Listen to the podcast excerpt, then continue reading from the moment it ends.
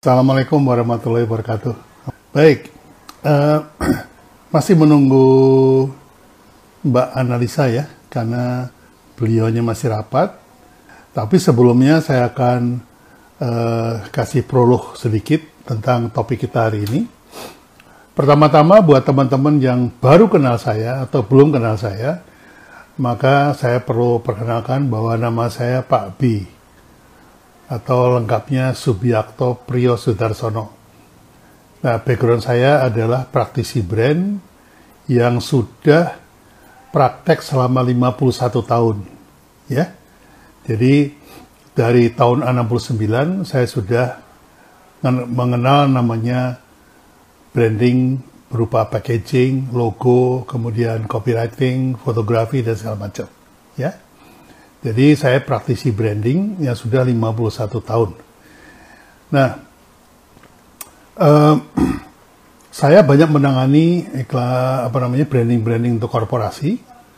Ya, jadi korporasi itu seperti yang saya tangani ya antara lain Kopiko, Indomie, um, Bank Mandiri, kemudian Bank BCA, kemudian uh, Pertamina juga kita sudah saya juga melakukan branding untuk extra jos, untuk polytron, untuk banyak lah.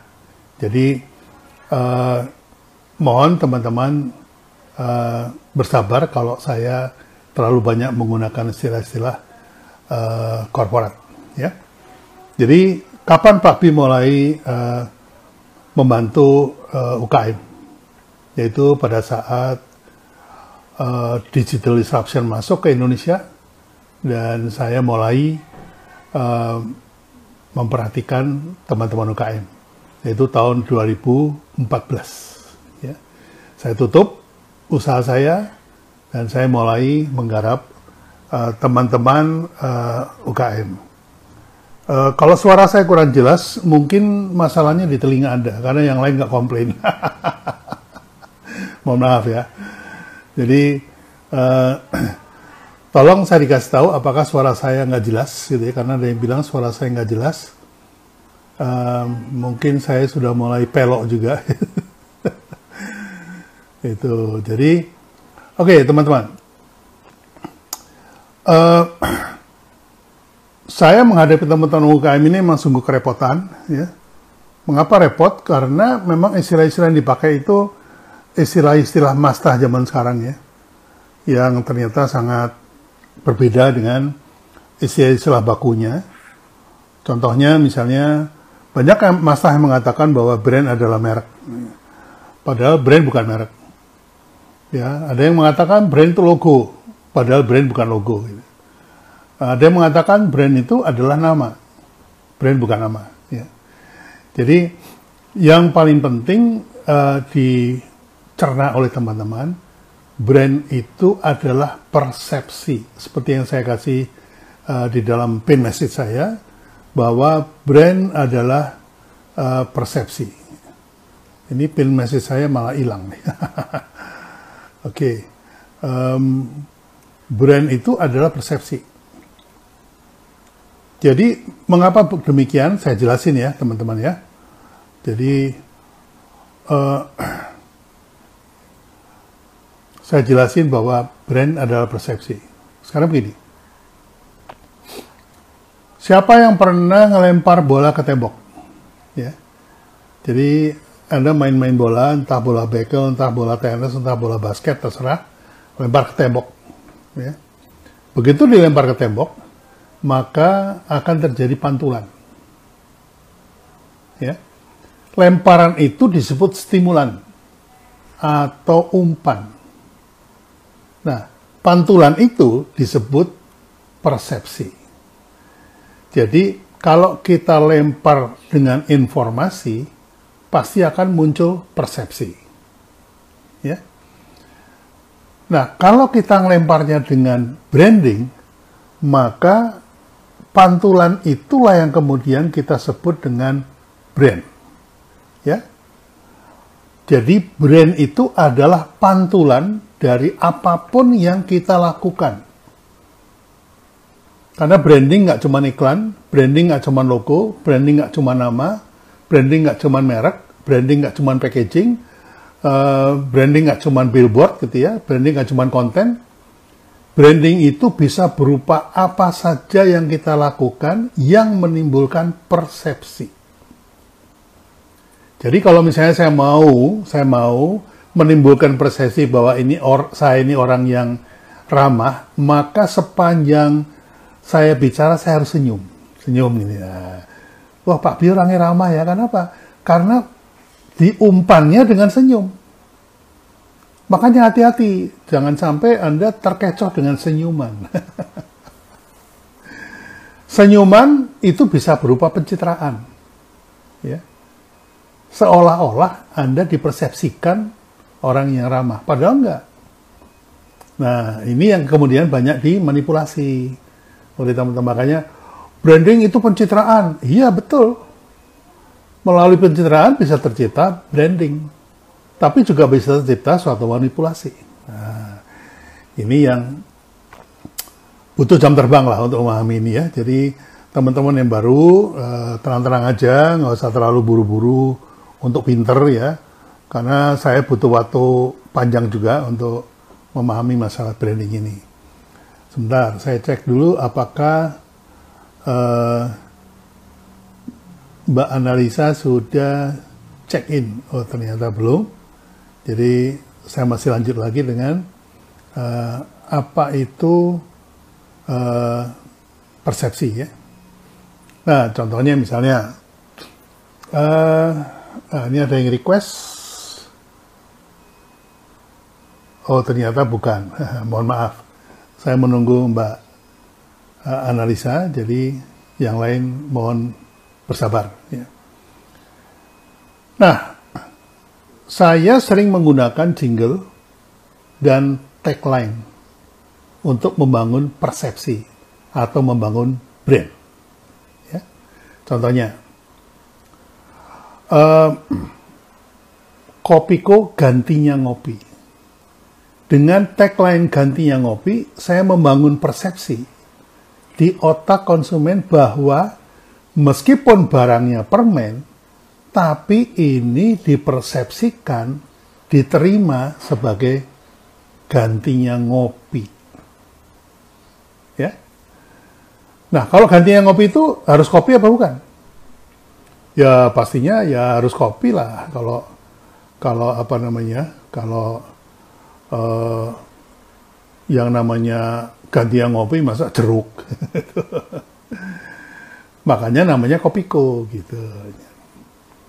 Ya ini Mbak Analisa sudah join. Saya akan minta beliau untuk go Nah, saya undang Mbak Analisa ini adalah seorang psikolog ya yang bisa menganalisa tentang persepsi tadi. Assalamualaikum Mbak Analisa. Salam Pak Su, Pak Bi, salam ya. kenal. Salam kenal juga. Ini baru pertama kali ketemu gitu ya. Ya dan satu kehormatan saya bisa diundang sama suhu branding terkemuka di Indonesia. Waduh. Bukannya terkemuka, ini karena tertua saja. Gimana kabarnya Pak Bi? Ya baik sehat. Saya nggak keluar rumah sama sekali, mematuhi uh, pemerintah, perintah dari pemerintah ya. Tidak ketemu orang juga. Jadi uh, saya baru keluar itu mungkin enam kali ya totalnya. Empat kali ke dokter gigi, dua kali rapat dengan satu teman dari Bali, satu teman dari Makassar. Selama pandemi ini Pak Bi? Selama pandemi ya, selama udah udah 8 eh 10 bulan ya. 10 bulan. Mbak Analisa gimana? Sibuk sekali kayaknya ya? Aduh, saya justru sudah 10 bulan ini juga tidak berani mengambil event offline sama sekali, Pak Bi, iya, sama patuh protokol kesehatan. Bahkan uh, conference, apa sih, ada beberapa press uh, conference yang pers conference yang dihadiri yang istilahnya cuma orang dikit aja, saya nggak berani. Terus mobilisasi juga ya. dibatasi banget, walaupun juga tetap keluar rumah hmm. dengan prokes tapi sangat minimal banget Pak Bi. Biasa kalau lagi live suka ada telepon terus ngeblur alias nge nah, ini terpaksa harus keluar dulu. Uh, Oke teman-teman, jadi saya sambung tadi ya bahwa brand itu adalah persepsi. Uh, persepsi itu ada di dalam benak konsumen. Nah, di dalam di dalam uh, benak konsumen itu ada tiga jenis brain menurut Triune Brain Theory atau teori tiga otak ya. Yang pertama otak kadal atau otak uh, apa namanya otak lizard. Yang kedua itu adalah otak human. Yang ketiga adalah otak mamal. Ya. Nah, masing-masing masing-masing ini uh, mempunyai fungsi yang berbeda-beda. Ya. Otak lizard itu pokoknya orangnya kekeh, gitu ya. Jadi kalau seperti halnya sifat lizard, kalau eh, apa namanya dia mendapatkan serangan itu dia either freeze melawan atau kabur. Nah, pada manusia ada ada sifat itu. Kemudian yang kedua human brain. Human brain itu fokusnya pada alasan dan masuk akal. Jadi kalau uh, biasanya dipakai sama ini bos-bos Bos di kantor itu kalau dilaporin yang anak buah, itu dia tanya, alasan kamu apa? masuk akal apa enggak? Nah, itu biasa ya.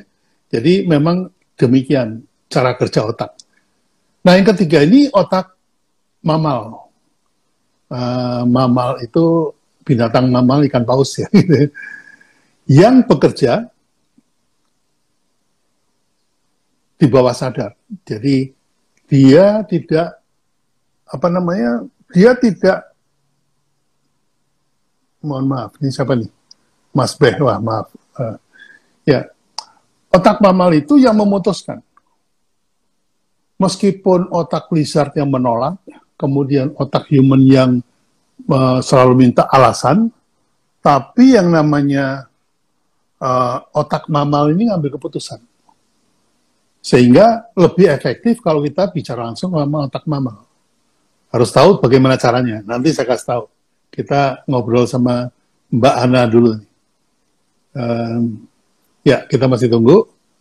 Uh, mungkin ganti handphone kali. Tadi kayaknya handphone yang buat kerja, jadi banyak telepon.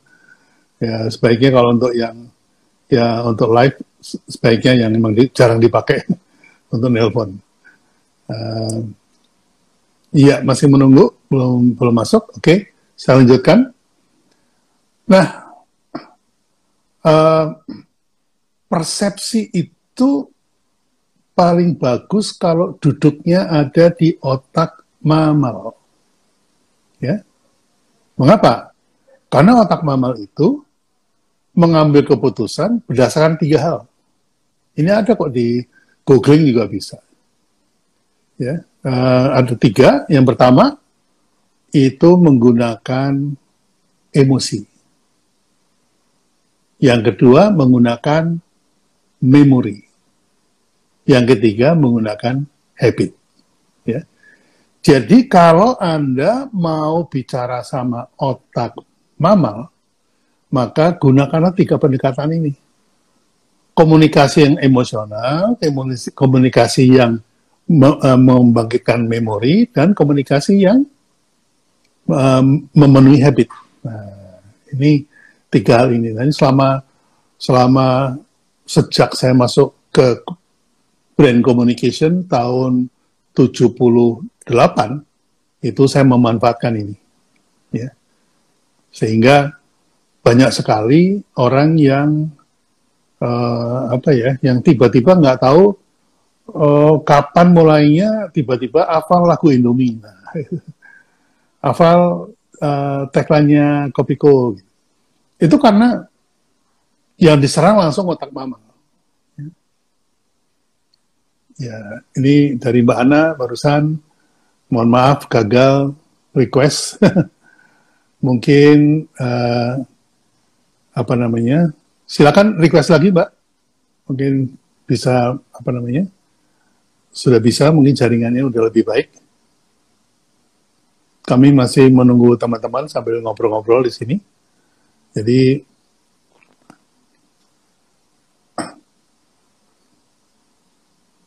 Nah, sebaiknya memang sebelum kita melakukan sesuatu ya, apalagi kita sampai membuat bisnis yang istilahnya mempertaruhkan modal, mempertaruhkan tenaga, mempertaruhkan pikiran, waktu, sebaiknya memang sudah paham landscape-nya, sudah paham petanya. Jangan sampai kayak tukang gojek. Tukang gojek itu sering kali udah dikasih Kang Dewa selamat sore. Wah ini uh, muncul juga nih ahlinya. Uh, tukang gojek itu saya paling sebel kalau dia itu udah udah pegang peta, tapi masih nanya, Pak, ini rumahnya sebelah mana ya? Pagar hijau atau pagar coklat? Waduh, ini capek banget nih kalau udah udah kita uh, udah kita bayar gitu ya, masih nanya-nanya yang harusnya dia tahu gitu. Jadi jangan sampai lah kita sebagai businessman meskipun ukurannya baru UKM itu nggak nggak boleh nggak nggak berbekal ilmu lah ya. Nah kalau mau ilmu selling belajar sama Kang Dewa itu udah udah pasti lah ya. Karena kalau branding itu emang beyond marketing dan beyond selling. Bukan lebih tinggi posisinya, tapi setelah urusan marketing dan selling selesai, barulah branding itu uh, digunakan. Ya. Bukan berarti branding itu belakangan, enggak juga. Karena apa? Karena di dalam persepsi itu ada dua. Ada dua hal yang ditembak. Persepsi itu yang sebelah itu bilang, apa namanya, kalau saya beli produk ini, saya dapat apa ya? Nah, itu persepsi yang rasional. Itu pendekatannya lewat marketing communication. Nah, persepsi yang irasional, yang subconscious, pendekatannya lewat branding. Ya. Jadi branding itu sebuah eh, apa namanya sebuah pemahaman bahwa kalau saya beli produk Anda, saya jadi siapa? Itu ada di benak konsumen. Ya. Jadi um, ya Mbak Ana ini masih ditunggu nih sama teman-teman nih. Tapi Mbak Ana bilang uh, udah berapa kali request gagal mau ada apa nih? Apakah Instagram coba ya saya saya undang. Nah, mudah-mudahan bisa masuk.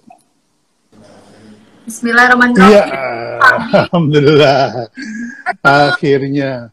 Maaf teman-teman, saya juga maaf tadi ada masalah koneksi tadi saya masuk jadi sempat ke distrak. Gimana gimana Pak Abi tadi? Saya sempat... ya nggak apa-apa, nggak apa-apa. Tadi uh, apa namanya? Saya juga pada waktu mulai jam setengah lima saya biasanya tepat ya. Tadi gangguan biasa internet, jadi mesti di restart lagi, restart lagi. Aduh, ampun deh. Benar sekarang koneksi menentukan prestasi ya Pak, tapi koneksi. Betul. Baik. Ya, Oke. Okay. Uh, eh, saya udah cukup banyak ngomong tadi udah setengah jam, jadi silakan sekarang Mbak Ana memperkenalkan diri karena banyak follower saya atau teman-teman saya yang belum kenal Mbak Ana ini siapa, uh, kemudian uh, ngapain aja sehari-hari, artinya apa dan segala macam. Monggo silakan. Ya baik, terima kasih Pak Bi uh, kesempatannya saya buat diundang nih kehormatan banget. Pak Bi bisa invite saya di live. Saya tuh awalnya kemarin uh, ada yang mention saya, kamu di repost sama Pak uh, Bilo gitu. Hah? Iya kah? gitu. Aduh ini keduluan hmm. nih gitu. Akhirnya saya kenalan dan diajak IG live nah saya sebagai seorang psikolog teman-teman uh, background saya psikologi saya dulu ambil psikologi klinis di Gajah Mada dan lima tahun ini berkecimpung fokusnya di lebih ke psikologi pengembangan diri manusia jadi kayak people development, talent development gitu Pak Bi dan yeah. membangun APDC, APDC itu analisa personality development center. Hmm. Jadi saya kayak persona, personality itu sebenarnya itu bukan sesuatu yang given gitu, tapi kita terus develop dan itu sebenarnya tugas manusia dalam hidupnya untuk belajar terus dan bertumbuh. Gitu Pak. Yeah. Jadi sangat keren, keren. Brand marketing dan branding juga ya Pak ya. Iya, yeah, relate banget, relate banget ya, relate banget. Makanya saya pikir nih teman-teman ini harus dapat masukan dari Mbak Ana nih tentang uh, relasi, rekorelasi antara branding dengan psikologi. Ya, Jadi uh, saya sempat menjelaskan tadi ke teman-teman bahwa um, brand itu bukan merek, bukan logo, ya, bukan nama, bukan iklan gitu. uh, brand itu adalah uh, suatu persepsi yang muncul karena adanya stu, satu stimulan. Nah, stimulan itu bisa berupa iklan, bisa berupa logo, bisa berupa uh, nama dan segala macam, dan juga bisa berupa perilaku, gitu. Karena brand itu adalah persepsi yang muncul pada konsumen. Bahkan Seth Godin mengatakan uh, itu kan uh, tokoh-tokoh tua tuh yang bilang brand is a perception gitu ya. Uh, contohnya Walter Landers bilang bahwa product are made in the factory, mm-hmm. but brand created in the mind. Nah, yeah. berarti itu jelas itu persepsi. Nah, Seth Godin mengatakan oh bukan persepsi tapi ekspektasi. Saya bilang Seth Godin kali ini salah. Yang betul adalah persepsi menghasilkan ekspektasi. Setuju, Pak. Kalau saya. ya persepsi menghasilkan ekspektasi. Ekspektasi menghasilkan reaksi. Ya. Reaksi menghasilkan aksi. Nah, aksi ya. ini kalau disampaikan bisa berupa opini atau rekomendasi, tapi kalau dilakukan itu bisa berupa aksi. Nah, monggo silakan Mbak Ana nanti ya. dianalisa ini. ini banyak belajar ya. Saya look up banget dari Pak Bi karena saya bukan ahli uh, branding ya teman-teman. Cuma mungkin sependek yang saya tahu di psikologi itu kita belajar tentang teori perilaku manusia, Pak. Jadi hmm. perilaku ini tuh dari mulai yang nampak, behavior yang nampak kayak orang membeli sesuatu, orang memilih sesuatu produk, itu kan perilaku yang observable gitu ya. Yeah. Tapi di balik perilaku ketika yang nampak itu ada perilaku yang tidak tampak yaitu pikiran yeah. dan perasaan dia gitu. Yeah. Jadi kalau tadi uh, Pak Abi sempat menyebutkan uh, otak manusia yang kita pelajari di psikologi itu ada satu sistem limbik yang disebut dengan yeah. amigdala. Mungkin sudah familiar banget amigdala ini tuh ada di bagian depan yang melindungi sistem korteks kepala uh, otak kita di kepala yang di mana mungkin sistem uh, korteks ini tuh bisa punya tugas masing-masing pengambilan yeah. keputusan terus kemudian ada tentang problem solving juga hmm. menyerap suatu informasi yang dilihat melalui panca indera nah yeah. panca indera ini nggak langsung ke korteks yang tadi tapi ke limbik amigdala yang ada di depan amigdala ini merespon apa sih ternyata emosi pak makanya hmm. ada itu karena masing-masing orang itu situasi emosi yang ditangkap tuh berbeda jadi kalau pemahaman saya sih sebenarnya ada faktor um, yang mempengaruhi dari dari behavior tertentu itu karena pengalaman. Biasanya karena pengalaman orang akan belajar dari pengalaman itu. Hmm. Dan juga ada faktor-faktor lain seperti hal-hal yang dia tidak sadari gitu. Nah, kalau kita tidak bisa mengendalikan si amigdala tadi, itu kan kayak gerbang tol, Pak. Dia akan kebuka yeah. positif gitu. Kalau dia happy. Misalnya dia melihat sesuatu logo gitu kan, logo produk tertentu. Kenapa ada air putih yang harganya mahal banget begitu dari taruh di kafe, uh, di kafe yang jadi di hotel gitu ya Pak, dan hmm. ada air ditaruh di warung kelontong di pinggir jalan sama-sama mereknya sama kok bisa harganya beda. Hmm. Ternyata versi manusia tadi itu secara tidak sadar amigdala ini merespon happiness gitu. Ketika hmm. dia dalam atmosfer yang di kafe, di hotel, terus pengambilan keputusan dia menjadi kayak nggak apa-apa uh, aku beli aqua oh, merek ya pak salah. Air putih. Aku beli air putih harga sekian gitu ya. Ya kali-kali besok terus jadi ada sponsornya nih pak Bi. Jadi aku beli mineral water sekian gitu kan. Tapi aku amigdalaku itu memberikan sinyal bahwa oke okay, harga sekian tuh bisa terbeli tapi kalau itu ditaruh di di pinggir jalan, di warung kecil, kita pasti nggak akan ini karena amigdala kita tidak memerintah kepada si sistem yang tadi. Jadi persepsi ini apa ya Pak? Pemahaman yang sangat, yeah. mempengaruhi ekspektasi kita pada sesuatu yang ada di depan mata kita. Saya setuju banget sama yang Pak disampaikan tadi. Iya. Dan itu uh, risetnya dilakukan oleh Pavlov itu pada hmm. tahun 1903. Iya. Ya. Masih ingat kan di pelajaran ada kan? Di yeah. Pavlov itu 1903 bikin riset namanya uh, reaksi terkondisi. Itu yang binatang itu ya Pak dikasih? Ya pakai mobil, eh, pakai pakai uh, anjing ya, anjing yeah. dikasih makan, lihat yeah. makanan dia ngiler. Nah bisa nggak sebelum lihat makanan dibunyikan bel. Nah ternyata setelah beberapa waktu amit galanya si anjing ini mengatakan, wah makanan mau datang nih. Jadi dia sudah expect, jadi keluar air liurnya. Pak ya? Betul. Jadi, uh, nah ini sebetulnya pada waktu itu riset itu dilakukan untuk kepentingan iklan. Mm-hmm. Jadi bisa nggak sih orang itu dijualin tanpa melihat produknya? Nah itu sebetulnya yang yang riset itu mendasari itu dan itu proses psikologi karena ah. karena si uh, apa namanya si Pavlov ini juga ahli psikologi. Jadi uh, sehingga proses branding, proses pengambilan keputusan untuk membeli, marketing communication ya, communication sendiri itu bukan proses marketing. Iya, betul. Itu Pak. satu disiplin ilmu yang berbeda lagi. Jadi yang benar. Jadi kalau memang teman-teman serius mau bisnis, ya harus menguasai banyak ilmu ya. Benar banget. Kan memang kayak uh, saya kemarin juga sempat uh, baca ada satu buku yang menarik nih Pak Bi bahwa sebenarnya sangat ada irisannya gitu dengan teori hmm. uh, branding. Ada seorang psikolog bernama Thorndike dia itu bikin riset udah lama tentang perilaku konsumen uh, jadi kayak psikologi perilaku konsumen gitu Pak.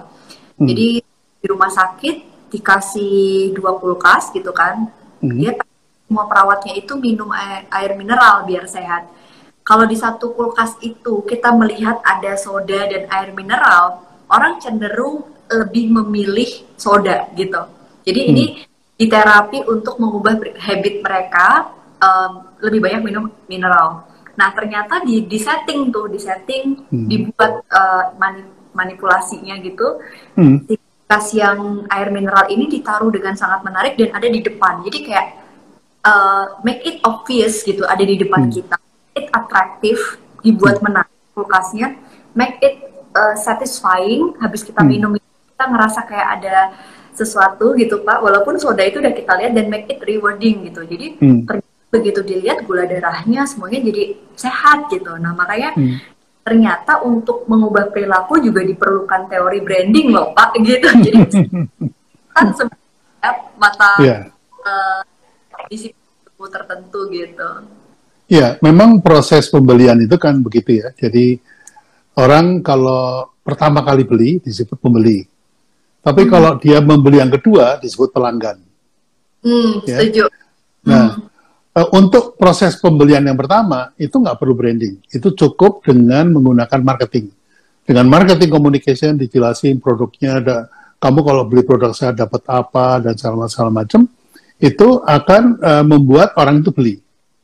Tapi untuk membuat orang itu beli kembali, maka harus terjadi proses dari transaksi dijadikan persepsi melalui melalui pengalaman. Jadi pengalaman itulah yang kemudian melekat di uh, otak konsumen. Dan itulah yang disebut branding sebetulnya. Jadi nah, itu pengalaman, pengalaman itu ya Pak? Ya, jadi justru experience itu adalah uh, apa namanya tools untuk branding yang paling kuat. Jadi eh, sangat tergantung pada pengalaman pertama, ya. Iya. Dan kalau Mbak Ana masih ingat eh, pada waktu pertama kali diapelin sama sang pangeran, itu Mbak Ana itu dari jam satu siang udah siap-siap, udah mandi, nah. udah keluar-keluarin baju, udah siapin semuanya gitu. Uh, untuk pertemuan pertama. Nah, ini saya ingatkan teman-teman UKM, sering kali kalian lupa bahwa launching itu ada persiapannya. Hmm. Kalau mau belajar ini sama Kang Dewa nih, kebetulan juga lagi lagi anu nih, lagi lagi join di sini. Mas Dewa Eka Prayoga. Nah, uh, di samping itu yang paling penting adalah um, persiapan pertama itu harus siapkan. Karena kalau produk hanya digelundungin gitu aja, uh, ya kayak kambing dilepas di lapangan gemuk dia. Kalau produk dilepas di pasar ya bisa Benar. kurus deh. Iya. Begitu. Setuju banget. Jadi, nah uh, ter, uh, uh, apa namanya? Kalau kita bahas tentang produk itu sendiri, mm-hmm. produk itu bisa berbasis masalah. Ya. Jadi, apakah masalah dari konsumen? Masalah itu sendiri ada masalah yang mendasar, yang sifatnya adalah uh, basic need ya, Mm-hmm. Nah, itu menghasilkan generic product. Nah, kalau generic product ini, ya otomatis banyak yang bisa bikin ya. Ya, kayak saya sering kasih ilustrasi, kalau Mbak Ana keluar kota, pasti ditanya, Mbak tidur di mana? gitu. Hmm, benar, benar, benar. Ya, karena yang Anda butuhkan adalah tempat tidur, suatu ruangan, ada tempat tidur, ada spray, ada bantal, guling, selesai. Tapi itu nggak cukup. Ternyata masalah Anda ada lagi, saya butuh WiFi. Nah, WiFi itu menjadi expected product. Jadi, suatu hotel yang atau ruang kamar yang ada wifi-nya itu bisa menjadi daya tarik karena membangun ekspektasi. Ini semua kan prosesnya di sini, Mbak. Benar. prosesnya di sini. Sampai nah, mengambil keputusan gitu ya untuk Ya, keputusan untuk membeli. Jadi teman-teman harus tahu bahwa kita bisa berangkat dari masalah, tapi kalau masalahnya terlalu generik, meskipun pasarnya gede banget, persaingannya berdarah-darah di situ. Jadi uh, harus di, ya harus ditemukan expected tadi. Atau augmented suatu tambahan yang sebetulnya nggak dibutuhkan tapi uh, menjadi inceran. Misalnya oh saya butuh nggak cuma kamar nih pak nggak cuma tempat tidur dan wifi tapi juga ada sofanya. Kenapa? Karena saya nggak enak kalau saya lagi kerja terus istri saya tiduran. Gitu kan kayaknya enak. Ya duduklah di sofa minum teh. Akhirnya sofa yang tidak dibutuhkan sebetulnya itu menjadi sesuatu yang penting. Menjadi augmented namanya itu, Mbak. Nah, ini semua kan berjalan di sini, Mbak. Betul, betul. Nah, Teori psikologinya gimana? Silakan. Nah, ini menarik banget nih, Pak Bi. Jadi kalau uh, orang mengambil keputusan itu kan dia butuh sesuatu proses di mana dia apa ya ada semacam cue atau triggernya nih kayak lonceng yeah. Dibikin gitu kan Pak. Ibaratnya hmm. kita tuh punya satu kebiasaan yang unconscious misalnya handphone bunyi nih. Ketika handphone kita bunyi itu tuh pertama kali kita punya handphone atau mungkin awal-awal ada handphone itu tuh kayak kayak apa ya smartphone gitu ya. Itu kan kayak menarik gitu kan. Tapi ketika nggak ada craving yang membuat kita untuk segera uh, cepet-cepet buka handphone misalnya deringnya itu diasosiasikan dengan dering atasannya nelpon dia gitu pada saat dia tidak punya satu why yang kuat untuk aduh males banget nih di telepon. Tapi kalau orang kasmaran Pak itu baru teleponnya gitu tuh dia udah langsung refleks tuh gitu. Yeah. Ya, artinya tuh ketika kita sambungin ke branding dan marketing strategik nih Pak, kalau kita mau hmm. bicara tentang psikologi, selama ini kalau saya melihat karena saya dulu juga pernah bergerak di bidang bisnis retail ya Pak, waktu zaman yeah. kuliah tempat buka bisnis butik baju. Hmm. Saya melihat itu kalau beli baju itu tuh kadang-kadang terutama perempuan ya pasar perempuan itu tuh menarik. Uh, dia tuh kayak apa yang sebenarnya nggak dia butuhkan, tapi kayak memanggil dia. Jadi kayak ada impulsif buyer gitu. Hmm. Tipe itu kenapa sih bisa terjadi? Karena sebenarnya ketika saya lihat tadi yang Pak disebutkan, kita kalau jual produk tuh nggak boleh yang terlalu general banget, tapi benar-benar yang punya satu selling point. Artinya kalau kita jualan itu jangan langsung target omset. Ini kalau saya hmm. pribadi. Selama hmm. ini kita branding itu sebagai bentuk investing yang satu tambah satu ya kalau gue udah promo di sini, gue harus dapetin sekian nih gitu kan Pak Abi. Nggak hmm. bisa. Kita tuh harus berawal dari satu proses di mana identitinya tuh dirubah dulu. Contoh misalnya, ini kalau di psikologi orang itu pengen ngebentuk behavior tertentu. Dia hmm. selama ini selalu fokus kepada outcomes. Ya, hal yang sederhana, saya pengen olahraga, pengen makan teratur supaya berat badan saya sekian. Itu Pak jatuhnya, ini stres loh. Dia jatuhnya hmm. jadi olahraga itu nggak mindful gitu. Jadi mindful branding ini penting banget para pengusaha. Investasi kepada marketing dan branding itu bukan semata-mata outcomes dulu gitu, tapi yeah. di balik prosesnya adalah uh, apa what should we do adalah build an identity. Jadi hmm. dari kalau kita kan pengennya outcomes-nya gede, omset. Ya saya tahu ya karena saya juga entrepreneur tuh pengennya hmm. omset. Tapi kalau kita fokus ke situ dulu, kita jadi nggak fokus pada hal-hal detail yang sifatnya strategik. Yeah. Step step.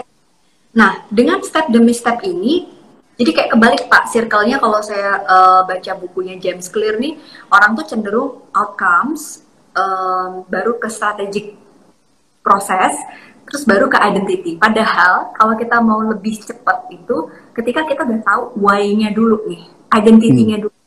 Apa sih yang menjadi selling point produk kita gitu. Hmm. Ini personal branding maupun branding uh, produk apa pun. Jadi ini mau dibawa ke mana sih? Misalnya saya melakukan personal branding saya sebagai seorang psikolog.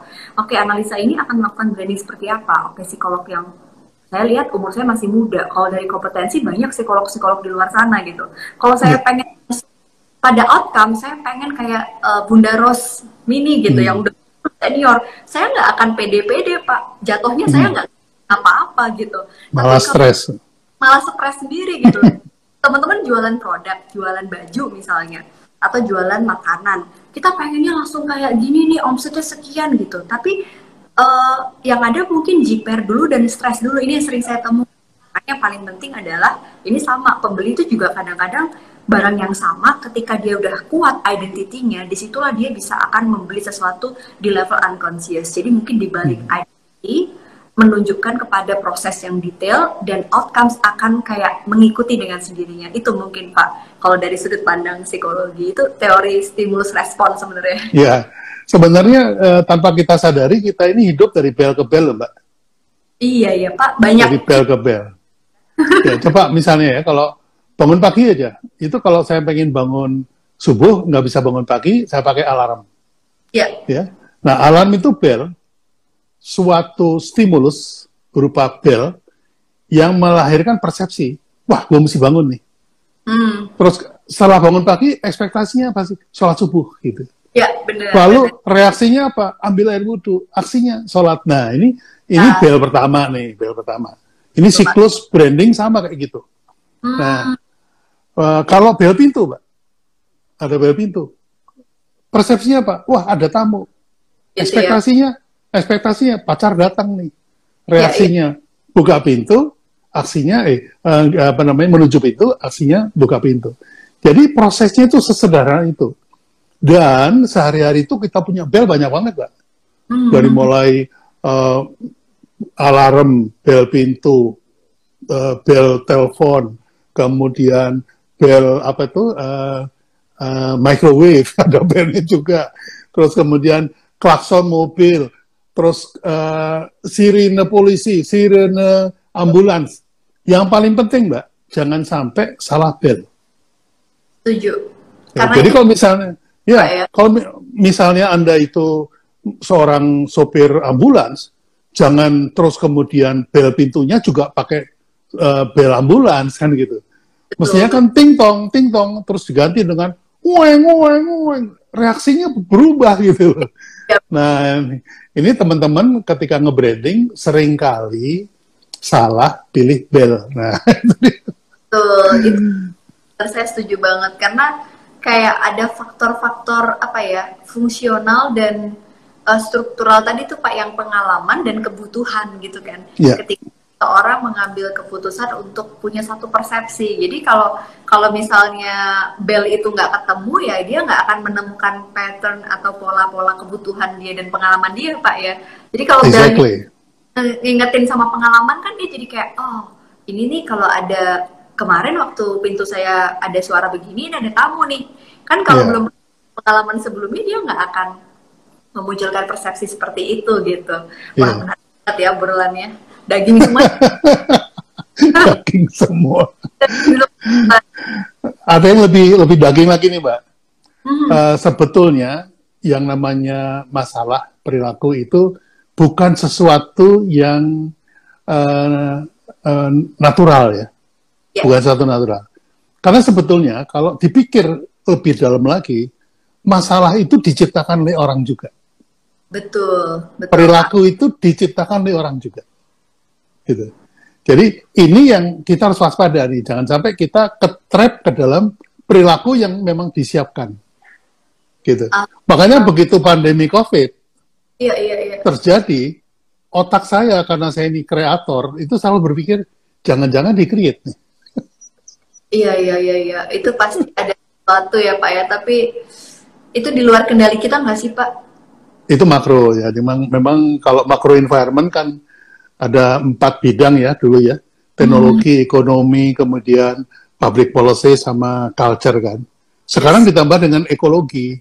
Ya, Kalau ya. di negara empat musim, ekologi itu penting karena setiap musim bajunya beda, kebiasaannya beda, perilakunya beda gitu. Sehingga hmm. itu membuat peluang yang beda juga. Ya. Nah sekarang ditambah dengan pandemi. Jadi uh, menjadi uh, lima ditambah satu lagi internet. Betul pak. Internet sudah menjadi makro mbak, bukan lagi menjadi tools gitu. Tapi kayak kayak uh, mereka yang bisa kreatif di situasi kayak gini yang ketemu belnya untuk keluar dari zona nyaman itu juga nggak banyak tapi Pak Bi masalahnya. Nah ini salah satu tugas sebagai para mentor seperti Pak Bin untuk bel-bel kepada para pengusaha terutama UMKM ya Pak karena saya merasa ini jadi satu PR kita loh UMKM sekarang gitu. Ya, memang uh, ya kalau apa namanya boleh ada yang mengatakan bahwa keadaan sekarang ini krisis ya.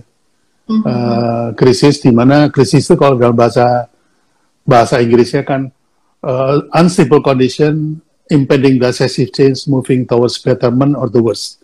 Suatu keadaan yang tidak stabil, yang mengandung perubahan yang mendasar menuju uh, yang lebih baik atau lebih jelek. Ini uh, jelas sekali bahwa apa yang kita lakukan, kita harus mencari peluang-peluang baiknya. Lalu uh, kalau teman-teman di mainland sana, uh, kayak Jack Ma itu mengatakan bahwa krisis itu Weiji. Hmm. Weiji itu dari singkatan Weijiang, ancaman, dan jihui kesempatan. Jadi hmm. setiap ada ancaman selalu selalu lahir kesempatan. Betul, ya, betul. Misalnya beberapa teman saya yang punya apa tuh uh, uh, apa yang jahit baju itu, hmm. begitu uh, terjadi pandemi, dia bikin APD, dia bikin ah. masker gitu. Iya iya iya. Ya. Betul. Bahkan uh, apa namanya biar Kardak kalau salah itu apa apa ya yang menggunakan mem memutuskan untuk bikin masker untuk seluruh dunia hmm. itu juga karena dia melihat peluang itu. Dan jangan lupa bahwa Al-Quran mengajarkan juga hmm. fa inama yusron. Ya, itu janji Allah bahwa di setiap kesulitan itu ada kemudahan loh di situ. Betul, Tinggal betul, seberapa Pak. kita mampu menggalinya gitu aja. Betul betul Pak. Jadi sebenarnya kita punya kendali ya terhadap persepsi dan ekspektasi yang kita buat ya Pak. Exactly. Itu ada yang sangat manageable banget, terutama untuk teman-teman yang sekarang ini lagi di situasi krisis. Kita semua lagi di krisis ini ya Pak ya. Hmm. Kalau menurut Pak Bi, saya boleh nanya boleh ya Pak? Kok jadi oh, saya boleh, boleh, boleh. senior banget. Tapi sebenarnya tuh saya kemarin baca tentang ekspektasi. Ekspektasi itu sesuatu yang manageable, bisa kita buat dalam beberapa level. Hmm. Ada yang sesuatu yang nggak bisa kita manage gitu, kayak no expectation at all di situ. Hmm. Tapi juga yang low ekspektasi gitu kan Pak. Tapi ada juga yang hmm. high ekspektasi gitu. Hmm. Itu tapi perbedaannya di sebelah mana sih dan dan khususnya dalam dalam situasi krisis sekarang dan kalau dikaitin sama branding gitu ya Pak ya. Hmm. Kadang orang tuh mengeluarkan investment untuk branding tuh bukan sesuatu yang uh, mudah.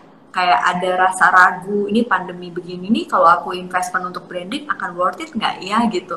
Hmm. Ketika melakukan investment tuh kita akan di level ekspektasi yang mana sih Pak kalau uh, dari pakar branding sendiri kalau menurut Pak Adi? ya, marketing sendiri itu disiplin ilmunya adalah demand creation Mbak ya. Uh. Demand creation. Nah, demand itu terdiri atas dua, kebutuhan sama keinginan, need and want gitu. Yes. Nah, kalau need-nya sudah ada, tinggal dibangun want-nya. Ya, dengan membangun macam-macam persepsi, identitas yang melahirkan ekspektasi. Hmm. Makin tinggi identitasnya, makin tinggi ekspektasinya, kan gitu. Tapi need-nya sama, need-nya sama. Nah, hmm. uh, apa namanya? Uh, ini ini apa namanya? Itu need itu bisa diciptakan juga. Contohnya gini, orang butuh mobil. Mobil itu kan kendaraan yang membawa orang dari satu tempat ke tempat lain. Tapi kenapa kalau Anda turun dari Avanza sama turun dari Mercedes itu dipersepsikan beda orangnya? Benar, ya? Sama nyewa mobil tuh Pak dua-duanya. Sama-sama membawa, membawa ini kan, membawa transportasi. Hmm. Tapi kalau turun dari Avanza, Anda dibilang, wah ini orang bisa menghargai value karena resale value dari Toyota itu tinggi. Ya, sementara uh, kalau Mercy itu Anda akan dipandang sebagai orang yang sukses gitu. Yes. Sehingga ekspektasi itu menjadi beda nih. Nah, itu kita manage. Yang hmm. Anda bisa memanage ke arah Toyota atau ke arah Mercy. Kira-kira seperti itu. Oke, okay, tapi persepsi dan ekspektasi itu perlu ada sebuah interaksi juga nggak sih Pak? Atau uh, sebenarnya bisa take it for granted gitu? Uh, interaksi itu yang dibutuhkan untuk uh, membangun persepsi ya. Iya, iya, betul. Jadi, betul. ketika saya uh, pertama kali melihat nama Anda, itu cukup unik karena namanya analisa. Gitu. Iya, iya, Pak. Saya punya punya uh, apa namanya dulu punya manajer yang anaknya itu dikasih nama data. Dipanggilnya data. Nah ini analisa. Itu udah sebuah sebuah reaksi dari sebuah nama itu ya, ya, ya itu kan ya, karena ada interaksi meskipun interaksinya tidak langsung ya, ya, ya. nah begitu begitu mulai ada interaksi berupa komunikasi maka persepsinya menjadi berubah. Oke ya ya pak. Gitu. bisa jadi lebih baik bisa jadi lebih jelek gitu ya pak. Tergantung exactly. Gitu. exactly Oh, Oke, okay. menarik Pak. Ini juga kalau di psikologi itu uh, adalah sebuah pola yang kalau kita lihat tidak hanya teori behavioral saja Pak, tapi juga hmm. ada manis yang yang yang ada di dalam proses. Artinya ketika stimulus dan respon kita berikan pada uh, satu situasi, ada faktor-faktor lain gitu. Sisi hmm. humanis seperti meaning atau makna dari human itu sendiri gitu. Nah, yeah. jadi bisa di bisa menjadi satu human touch yang menarik, saya rasa bel-bel itu akan semakin indah ya Pak dalam branding. Iya, bahkan bahkan uh, Seth mengatakan yang terakhir ya. Uh, kenapa saya sebut Seth? Karena ini sebenarnya dia itu blogger, tapi dia ahli marketing, gitu. banyak melakukan riset di marketing. Dia mengatakan, uh, from the name, I can feel the product. Ah, from the name ya. Berarti saya beruntung yeah. analisa ya Pak, jadinya psikolog nyambung. Menganalisa orang, menganalisa perilaku orang. Gitu. Nah, hmm. ada juga dari uh, from the communication uh, atau from from the way you talk. Yes. Itu I can feel, uh, hmm. I can feel you gitu istilahnya gitu. Hmm. Jadi di samping meaning ada lagi feeling, Mbak. Oh, Oke, okay. meaning, feeling. Nah, ini good point yeah. nih. Ini contohnya misalnya, kata action ya. Saya itu pernah menyutradarai uh, ibu negara waktu itu ibu tin ya. Jadi hmm. uh, saya bilang saya dibisikin sama ajudan ibu tin ini nggak boleh dengar orang teriak. Semuanya harus dibisikkan gitu. Hmm. waduh ini padahal kalau sutradara itu kan standing by kamera roll and action kan gitu ya. Nah terus saya jadi gimana? Oh ya udah saya pakai kode nih. Standby. Oh roll. Waktu action saya bilang monggo gitu kan. Namanya sama orang orang sepuh ya. Betul. Terus satu dua kali saya dipanggil. Dipanggil gini.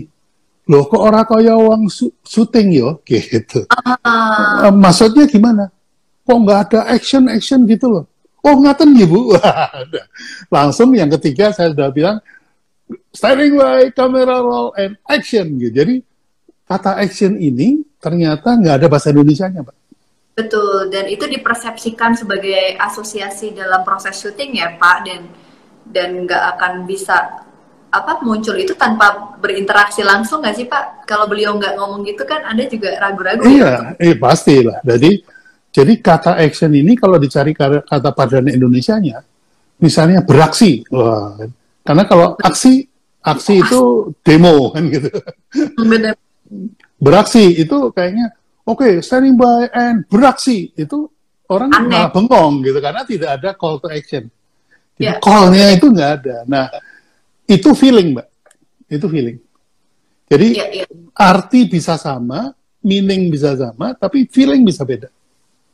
Iya, iya, betul Pak, betul. Saya kalau melihat dari psikologi ya Pak, kalau tadi Pak hmm. menyampaikan meaning, feeling, sama aksi tadi ya, kalau kita sih melihatnya sebuah perilaku itu bisa atau branding itu bisa tercipta ya tadi harus ada calling cue bellnya tadi tuh pak. Kayak hmm. apa yang membuat otomatis tuh orang nengok. Yang pasti kan identitasnya tuh harus kuat. Makanya nggak main-main ya pak. Ternyata di um, ilmu itu tuh orang yang bisa tahu warna ini artinya apa huruf yeah. logo. Itu mahal banget kan profesi itu karena yeah membuat sesuatu itu nggak mudah gitu. Dan psikologi salah satu ilmu yang bisa diterapkan. Terus kemudian ada cravingnya gitu. Jadi apa yang membuat orang tuh ketika dibilang action itu kayak ada urgency untuk sense of urgency-nya untuk nengok oh kalau action nih mulai syuting gitu.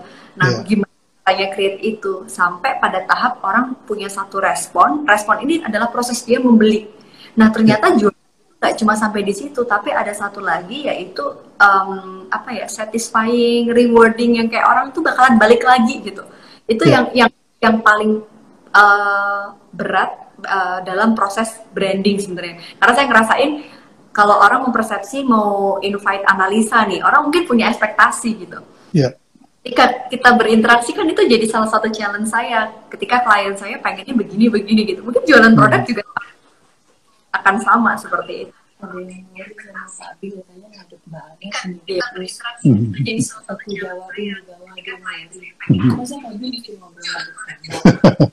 Ya, uh, sebentar, barusan ada gangguan dari istri. ada pesan.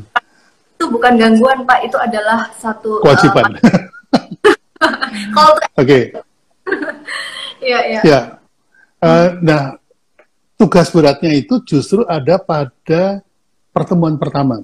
Interaksi pertama itulah semua ditumpahkan. Betul, setuju saya, Pak. Karena di situlah yang muncul persepsi, gitu. Hmm. Karena ada istilah ini? Uh, hanya ada satu kali first impression. Hmm. Kalau Anda gagal di first impression, tidak ada kesempatan untuk bikin second first impression. Setuju, setuju Pak. Jadi teman-teman UKM ini banyak nggak sadar. Kalau korporat udah sadar banget nih. Hmm. Sebelum apa namanya, sebelum sebelum launching. dipertemukan, sebelum launching itu persiapan pre-launchnya itu banyak banget. Nah ini yang uh, kalau diajarkan pada teman-teman UKM sering kali oh, emang perlu Pak, itu kan keluar dana lagi, gini-gini ya seperti itu. Padahal sebetulnya, sebetulnya proses branding yang paling murah itu adalah pertemuan pertama. Kalau makanan, gigitan pertama. Begitu gigitan pertama itu enak, wah ini enak dan unik, maka uh, itu terregister loh di kepala. Kenapa? Makanan masuk mulut langsung ke perut, tapi rasa naik ke atas Iya, benar Pak. di atas. Iya. Nah, Dan, ini teori psikologinya gimana tuh, Pak? Iya, jadi saya juga um, percaya banget kayak kalau teori psikologinya sendiri sih tadi itu Pak yang si apa ya orang tuh nggak akan inget apa yang apa yang uh, diucapkan oleh misalnya ini kalau kita ngomongin tentang personal branding dan juga ada company branding.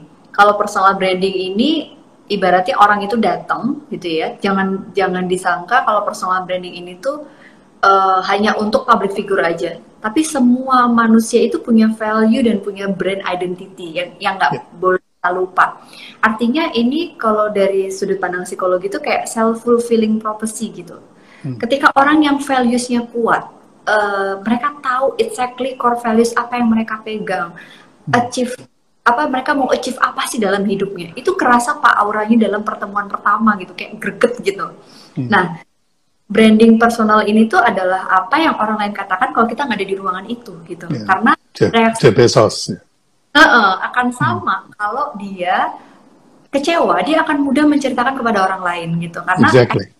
ya tadi yang bapak tadi sampaikan itu bahwa secara experience tuh kayak ada di alam bawah sadar dia masuk pada gelombang yang disebut dengan gelombang uh, theta dan delta itu tuh kayak uh, sesuatu yang nggak nggak sadar gitu. Kebencian ketidaksukaan.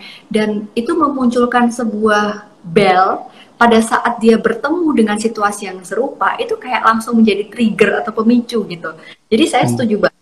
Apa Pak Bi menyampaikan bahwa pertemuan pertama itu kayak akan sangat penting gitu ya first impression itu segala-galanya. Uh, saya selalu bilang kesan pertama tuh bukan segala-galanya tapi dari uh, kesan pertama kita bisa dapatkan segala-galanya gitu. Artinya yeah. ada proses yang memang harus kita bentuk ya komunikasi dan lain sebagainya. Itu kalau personal, integrity, profesionalitas gitu-gitu. Hmm. Terus kalau di produk branding ini juga sama sih Pak kurang lebih. Jadi menjaga kualitas uh, kontrol kualitas produk kita itu yang menurut saya tuh menjadi tantangan gitu. Anda sudah mendeliverinya bagus nih, uh, iklannya udah bagus, marketingnya, tapi ternyata quality control produk itu nggak nggak termanage dengan baik, itu juga sama aja. Di personal yeah. branding kita brandingnya bagus di media sosial, tapi pada saat ketemu langsung attitude kita ternyata nggak oke okay, dan kita faking itu juga nggak bagus gitu. Hmm. Jadi pada akhirnya pada saat kita bicara tentang branding itu adalah satu proses alamiah yang memang kita terus belajar dan tumbuh di situ. Jadi uh, mau nggak mau ya teman-teman memang harus menemukan values dari apa yang kita lakukan di bisnis kita maupun values yang kita punya di dalam diri kita. Itu sih mungkin ya. Pak. Ya, kalau dalam urutannya baik personal maupun produk ya ataupun mm-hmm. uh, ataupun tempat atau negara ya, itu sebetulnya uh, ada tahap-tahapnya ya. Tapi mm-hmm. ujung dari semua tahap itu adalah legacy. Jadi yeah. kalau Anda punya personal branding, Anda harus punya warisan. Apa yang mau diwariskan kepada dunia ini tentang Anda. Jadi jangan sampai ketika nanti Anda udah nggak ada, orang cuma melihat Anda sebagai segunduk tanah saja gitu. Jadi harus ada suatu kenangan legacy yang diingat oleh orang. Nah, legacy ini achievementnya cukup panjang. Hmm. Jadi legacy hanya lahir kalau Anda punya reputasi. Reputasi lahir kalau Anda punya prestasi yang diakui, baik oleh institusi seperti UGM atau UI gitu, atau oleh masyarakat. Nah, uh, prestasi ini baru lahir kalau Anda punya kompetensi ya, yang diiringi dengan kerja keras dan disiplin.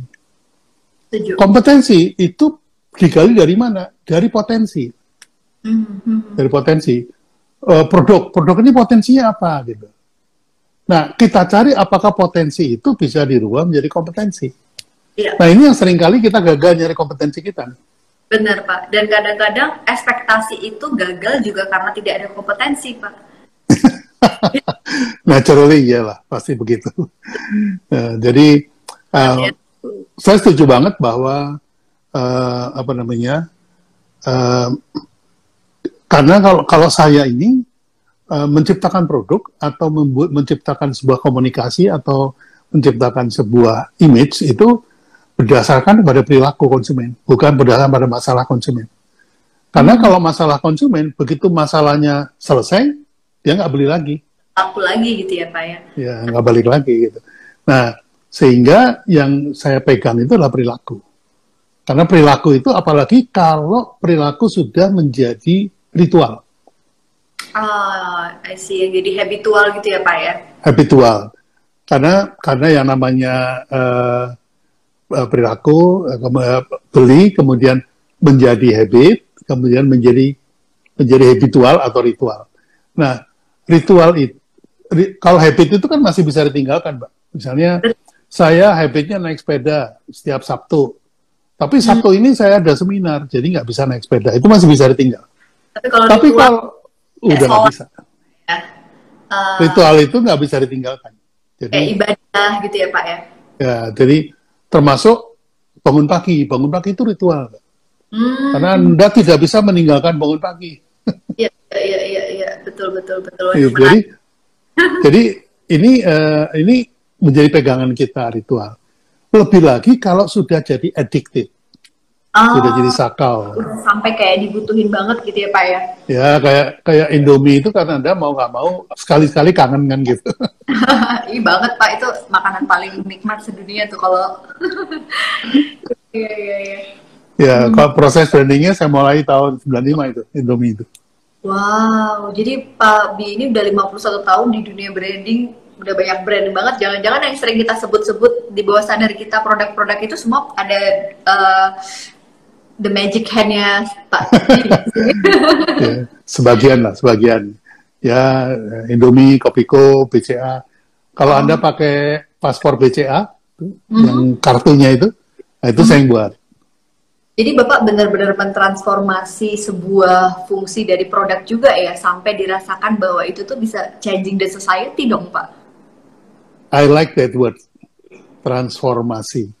Yes. Karena marketing menghasilkan transaksi. Hmm, hmm. Branding itu adalah sebuah transformasi.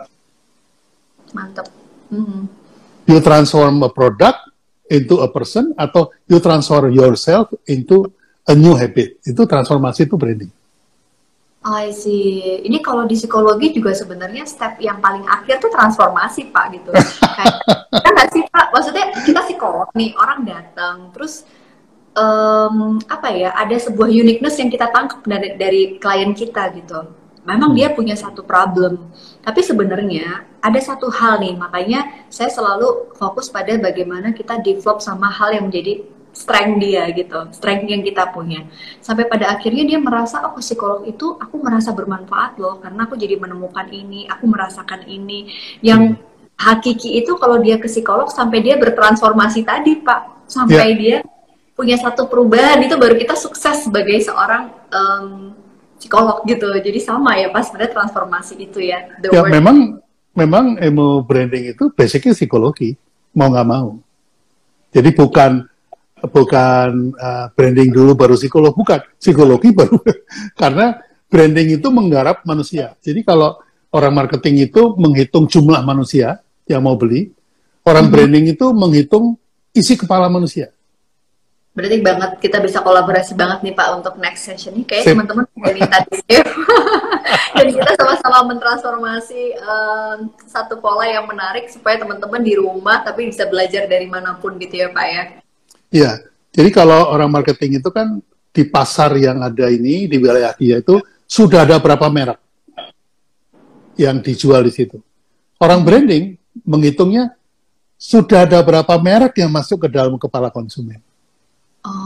Oke, okay. itu perbedaannya dan skopnya iya. masing Pak ya. Jadi jangan lupa bahwa transaksi terjadi di kepala manusia, bukan di pasar. Yang terjadi di pasar itu adalah realisasi dari transaksi yang terjadi di otak. Ya, yeah. and then we cannot change the market, but we can change the way. Exactly. Uh, menciptakan itu gitu ya Pak. Aduh, exactly. ini transformasinya. ya banyak diingetin Pak sama netizen yang sebenarnya masih pengen banyak belajar. Kalau di tempat yeah. saya sih maghrib ini. Bapak di Jakarta sudah maghrib nih? Belum, uh, maghribnya kita uh, jam ya. 18 ya. Iya, kayaknya sekarang nggak mundur gitu dibanding. Iya. Yeah. Anyway, karena memang sudah mau maghrib juga ya, baik, dan Pak. waktunya juga sudah cukup. Ini maksudnya jangan sampai kekenyangan lah teman-teman. Nanti malah nggak mau dengerin lagi.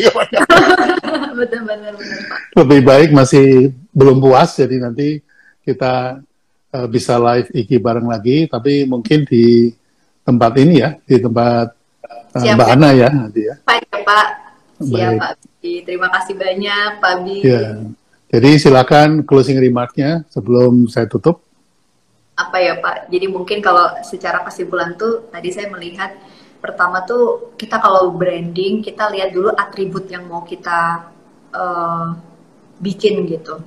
Seberapa unik produk kita, service yang kita berikan, seberapa unik selling point kita kalau kita personal branding gitu. Terus sampai orang itu merasa ada satu fungsional yang memang dia itu ngerasa believe sama kita gitu atau sama produk kita. Kayak what will I get from that product itu level berikutnya. Nah, berikutnya lagi adalah orang tuh nggak akan ingat produk itu tuh gimana, tapi mereka akan feel tadi feelingnya hmm. itu tadi yang saya dengar dari Pak Bi dan pada tahap yang berhasil branding itu ketika branding itu mentransformasi kehidupan orang kayak dia sampai bilang bahwa oh my god how does it uh, change my life pada saat aku minum kopi ini atau makan mie ini gitu dan kerennya lagi, kalau kita berhasil melakukan sebuah branding itu pada tahap tertinggi tadi, Pak, the word-nya adalah transformasi. How does it change society? Yang itu aku rasa Pak Bi sudah melalui prosesnya dalam 50 tahun. itu mungkin sebenarnya closing yang aku rangkum dari uh, diskusi kita. Jadi bukan dari itu saja ya, Pak, tapi dari yeah, iya. analisa yeah. analisa gitu. Semoga bermanfaat teman-teman semua. Baik. Yeah. Uh, terima kasih untuk Mbak Ana khususnya sudah meluangkan waktu untuk sharing di teman-teman saya, follower saya, dan bagi juga followernya fansnya Mbak Ana yang bergabung, saya ucapkan selamat datang di akun saya. Ya, dan, dan mudah-mudahan branding jangan lupa follow Pak Bi ya. ah, boleh juga, boleh juga. Baik, jadi untuk teman-teman semua juga terima kasih atas waktunya. Uh, luar biasa Mbak Ana hari ini sangat sangat membuka uh, mata ya, eye opening banget.